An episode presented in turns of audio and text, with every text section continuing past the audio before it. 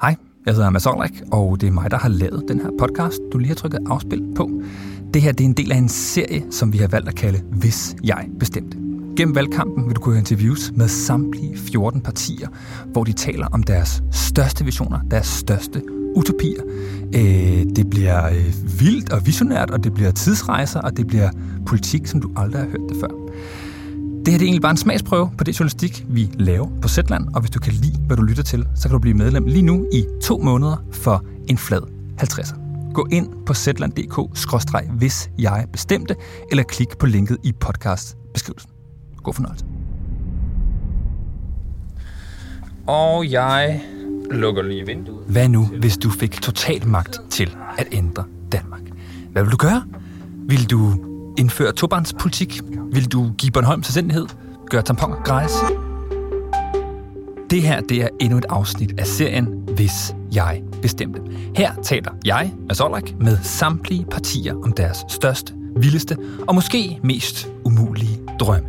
Og den her gang, der har jeg Franziska Rosenkilde i studiet.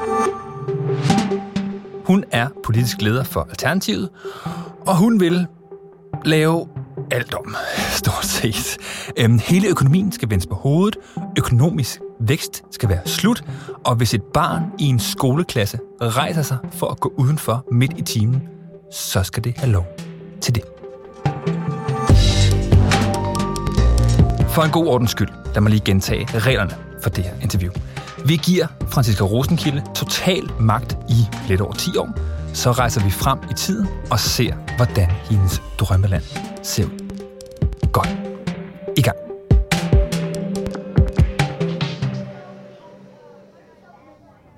Vi er i 2035. I har ved et øh, fascinerende jordskredsvalg i 2022, der fik I magten, øh, Jeg har siddet på den i tre valgperioder. Og I har kunne forme det her samfund, som I mener, det skal være. Vi skal et sted hen, hvor du kan vise mig, hvordan samfundet bliver anderledes. Hvor skal vi hen? I Alternativet, der arbejder vi jo for et øh, bæredygtigt samfund. Og der, hvor jeg har lyst til at øh, tage dig hen og starte, det er i et klasselokal i en københavnsk folkeskole. Fordi for det første er der betydeligt færre børn i klasserne, cirka 15. Der er mere tid, der er mere plads. Øh, lærerne har, har langt mere tid til at forberede sig, øh, og er flere om opgaverne. Og det, der er måske det første, man tænker er anderledes end, øh, end det, vi kendte før, det er, at det er et langt mere grønt læringsrum. Så man bruger faktisk udarealerne lige så meget. Og det er meget i øh, forståelsen af at forstå naturen, som er en helt klar målsætning i, øh, i folkeskolen nu. Pædagogerne er også meget mere uddannet i normkritisk pædagogik i dag, øh, uddannet til at forholde sig til de, øh, til de tanker, som, som børnene har at forstå de strukturer, som børnene er øh, en del af, øh, som enten kan begrænse dem eller sætte dem i en båse, og på den måde være med til at, øh, at udvikle deres fulde potentiale. Det er jo stadigvæk selvfølgelig lærerens opgave og skolens mål, at man lærer børn øh, de færdigheder, som også er at læse og skrive og regne og alt, hvad der ligesom det indebærer at blive et uddannet og dannet menneske. Man har bare samtidig har fokus på børnenes trivsel. Altså, når det her barn sidder i klassen på sin stol, og måske falder lidt hen i noget dagdrømning, øh, som børn jo tit gør i, i en skoledag, på en skoledag. Pludselig øh, hører faktisk øh, noget fuglesang, som tager øh, barnets opmærksomhed. Og det, som øh, det videre resulterer i, det er, at, at barnet faktisk kan rejse sig uden at skabe noget særligt øh, forstyrrende element i klassen, øh, og gå ud og forfølge denne her fuglefløjt. Og så er der måske ikke gået meget mere end fire minutter, så kan barnet gå tilbage i klassen med en ny øh, energi, øh, positiv sind, fordi det har været igennem en, en sanse øh, tur på vejen. Så det bliver ikke kaldt tilbage? Det, det må, må komme tilbage, når, øh, når det er færdigt med at forfølge den vej, det nu lige havde lyst til? Ja, vi har tillid til, at, øh, at man som menneske altid gerne vil søge øh, fællesskabet, hvis man får lov til at gøre det i sit eget tempo. Nu lyder jeg totalt sort skoleagtig, ikke? Men, øhm, men der skal også noget brød på bordet. Så hvor mange forskellige måder er der at lære at læse på, for eksempel? Ja, nu er jeg jo ikke fagligt uddannet skolelærer, og det er, jo, det er jo også en rigtig stor del af det her, det er, at øh, vi har givet magten tilbage til fagligheden. Og det vil sige, at vi har droppet alt, hvad der hedder kontrol, mistillid og detaljstyring fra Christiansborg. Så øh, øh, fri, total frihed til skolen. Det vi oplevede, øh, før vi fik magten, det var, at den enorme øh, mistillid og kontrol og alle de ressourcer, der blev brugt på det samfund dengang, det ødelagde mere, end det gjorde godt, og det kostede rigtig mange penge. Så de ressourcer, de penge, har vi sat fri sammen med fagligheden til at kunne udvikle det, som de er uddannet til. Okay. Glade, sunde, sjove, dygtige, lykkelige børn. Nå, fedt. Ja. Det vi helt klart har set, har været en forbedring på de her tal, på, på børn, der trives i langt højere grad, og jo også på, på øh, lærere og pædagoger, der har fået langt bedre arbejdsforhold, der har fået stoltheden tilbage, der har fået mere tid, flere ressourcer. Fordi en af de ting, vi jo også har prioriteret her, det er, vi har simpelthen skiftet øh, ressourcerne fra de meget produktionstunge jobs over til de mere omsorgsprægede jobs. Mm. Og det har vi simpelthen i lyset af klimakrisen, øh, i forhold til at sige, jamen, vi skal bare ikke producere og forbruge så meget mere, som vi har gjort. Mm. Øh, vi skal omstille hele vores produktion og forbrug. Og det vil sige blandt andet, at vi skal mm, investere massivt mere i jobs, der handler om at drage omsorg for hinanden. Så hvor mange flere er flyttet over i sådan omsorgs, omsorgssektoren, kan man nærmest sige? Jamen, det er lidt svært lige at sætte tal på, altså øh, faktisk. Men hvis man forestiller sig, at, øh, at, at det dengang hed 70-30, så har vi vendt det på hovedet. Hmm. Okay. Så, øh, så industrien fylder mindre, øh, de her måske mere praktiske jobs fylder mindre? Ja, det gør de helt klart. Alle ja. de her folk, der er rykket over, Ja. alle de folk, der rykker over i omsorgssektoren, som måske engang ville have arbejdet på en øh, fabrik eller en mellemstor virksomhed eller sted øh, og producere, hvad ved jeg, øh, øh, brivtog eller hvad det kan være. Ikke? Altså, mm. hvad er det, hvad er det vi, vi har været nødt til at sige, det kan vi ikke producere her i Danmark længere, fordi vi er nødt til at lave det her skift? Det første, vi gik i gang med, det var klart landbruget.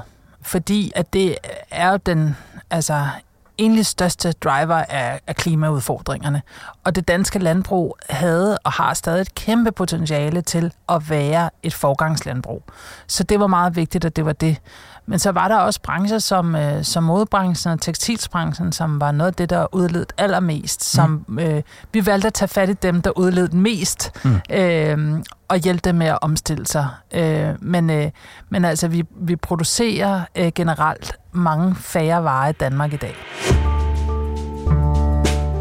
Alternativets og øh, Franziska Rosenkildes primære redskaber til at skabe den her forandring, hun taler om, det er skatter og afgifter, siger hun. Der skal skabes meget stærke incitamenter for at omstille sig.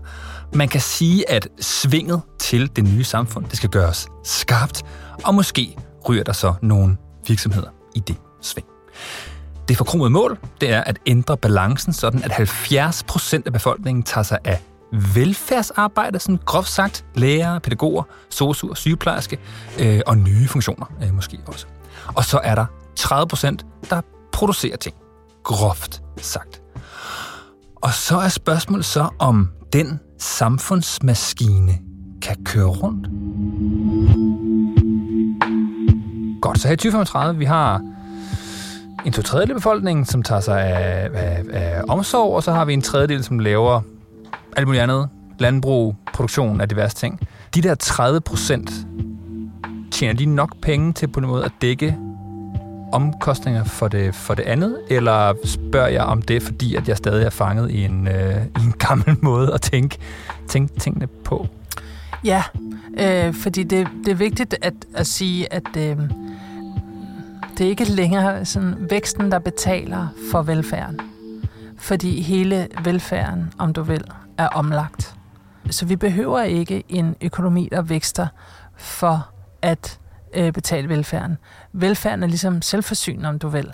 Den trives, den økonomi, fordi det er ikke lappeløsninger øhm, og fordi vi indretter vores samfund langt mere bæredygtigt mm. øh, og langt mere forebyggende. Mm. Og, og så det betyder, at vi har sparet rigtig, rigtig mange penge i det offentlige på bare at tage øh, kontrolindsatser øh, ud og øh, journalisering og afrapportering.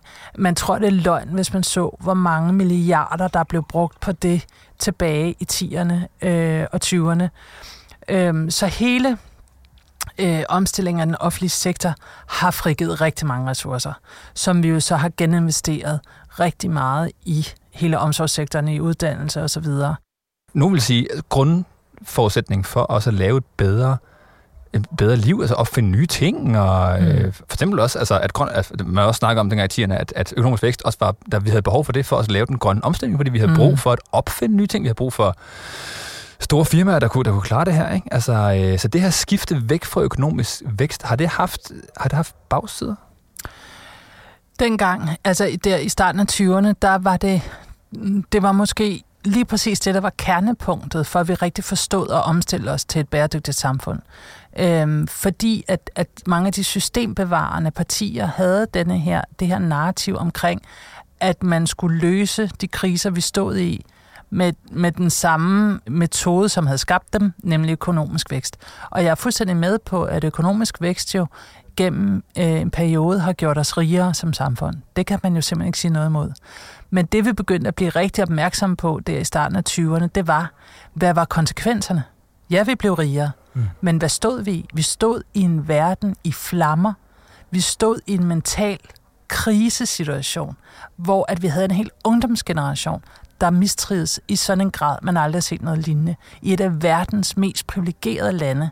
Mm. Og det var et rigtig meget symptom på, det kan godt være, at vi er rige, det kan godt være, at vi er det land i verden, hvor flest børn har iPhones, men hvad er konsekvenserne? Og det er der, man begyndte at forstå, at penge i sig selv ikke er en, øh, en parameter for, hvor glade og lykkelige vi er, hvor meningsfuldt liv vi lever. Jeg tror, jeg sagde til dig, inden vi gik ind i studie, at øh, det her, det skulle ikke være... Man skulle undgå spørgsmålet om, hvor skal penge komme fra. Jeg, jeg, er, simpelthen, jeg er simpelthen nødt til at bryde det løfte nu. Fordi jeg, jeg, jeg, jeg sådan, de penge, vi bruger på at betale omsorgsarbejder, eller betale borgerlønnen, mm. hvor får staten de, de penge fra? Jamen altså, tilbage der i, øh, i 2022, altså et godt eksempel, det er jo, at dengang, der havde vi verdens dyreste beskæftigelsesindsats. Over 15 milliarder blev brugt om året, og langt størstedelen gik til kontrol, mistillid, byråkrati end reelle øh, ydelser.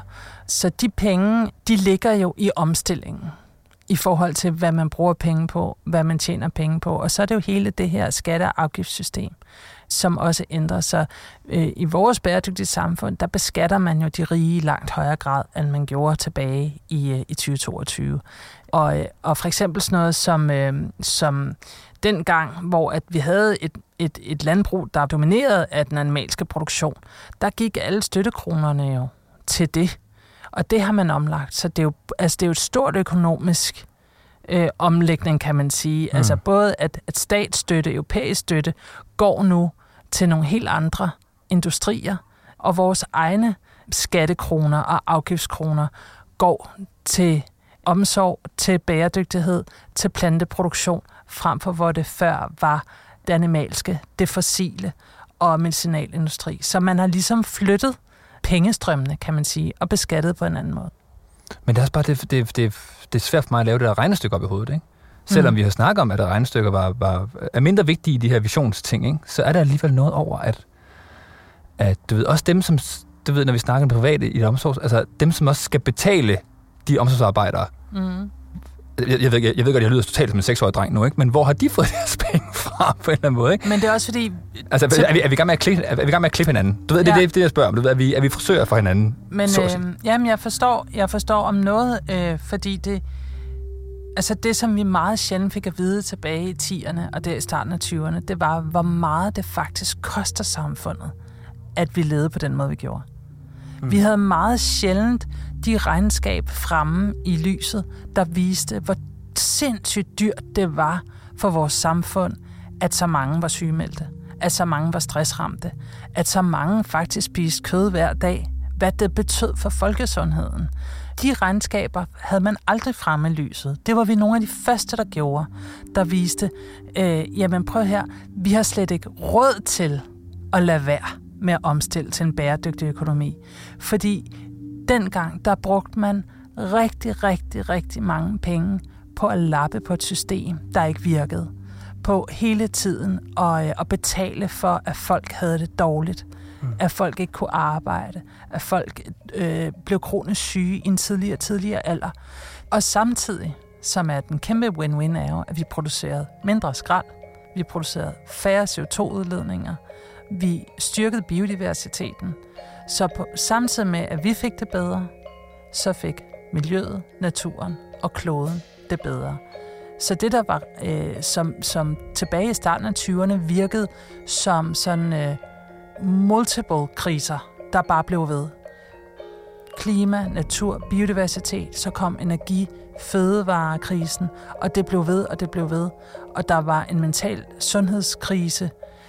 Men det, der ligesom lykkedes os, kan man sige, det var, men, men svaret er det samme. Mm. Løsningen er det samme. Fordi når vi begynder at løse det det ene sted, jamen så løser det de andre, for de er sammenhængende. Og det, der var det helt store problem i den meget sådan, neoliberale kapitalisme, man havde inden, det var jo præcis, at man isolerede problemerne. Man forstod ikke sammenhængende, så man kiggede på de enkelte samfundsproblemer isoleret. Og så forstår man simpelthen ikke, at, at kloden er et lukket økosystem, og hvordan at, øh, at man påvirker hinanden fra, fra et madmarked i Wuhan mm. til en, øh, en pandemi i Danmark. Og da vi begyndte at forstå, jamen det her, de her kriser hænger sammen, så løsningerne er også langt hen ad vejen de samme, så blev det pludselig nemmere at forholde sig til, hvordan løser vi kriserne. Når jeg tænker på Franziska Rosenkildes vision her, så altså op i mit hoved, så ser jeg hende holde en nøgle i hånden. En stor nøgle. Men når hun øh, stikker den nøgle ind i låsen og drejer den, så skal rigtig mange ting dreje med. Hvordan vi bor, hvordan vi spiser, hvordan vi arbejder, hvordan vi har det med hinanden. Klik, klik, klik. Det hele skal dreje rundt i den lås. For det hele skal løses på én gang og med de samme midler. Så øh, tror man på det? Jeg ved det ikke. Du har rundt i 60 år. Ja. Hvordan går det? Hvordan Jamen, har du det? det går godt. Jeg er glad, fordi... Det var den politiske leder af Alternativet, Franziska Rosenkildes bud på en dansk utopi. Hun blev interviewet af mig, Mads Olrik. Nille Smalte Lundsgaard har lavet øh, lyddesignet, og der er flere utopier og visioner og alt det andet øh, på vej. Tak fordi du hørte med. Hej igen. Øhm, jeg vil bare lige sige tak, fordi du lyttede med, og hvis du kan lide, hvad du hørte, så kan du sikkert også lide noget af det andet journalistik, vi laver på Zetland. Vi er en anderledes avis, der giver dig øh, dybdegående journalistik om tidens vigtigste historier. Vi har en øh, rimelig lækker app, og du kan selv bestemme, om du vil læse eller lytte. Som sagt, du kan blive medlem lige nu i to måneder for en flad 50'er. Gå ind på zland.dk-hvis jeg bestemte, eller klik på linket i podcastbeskrivelsen. Det var det. Der er flere afsnit på vej.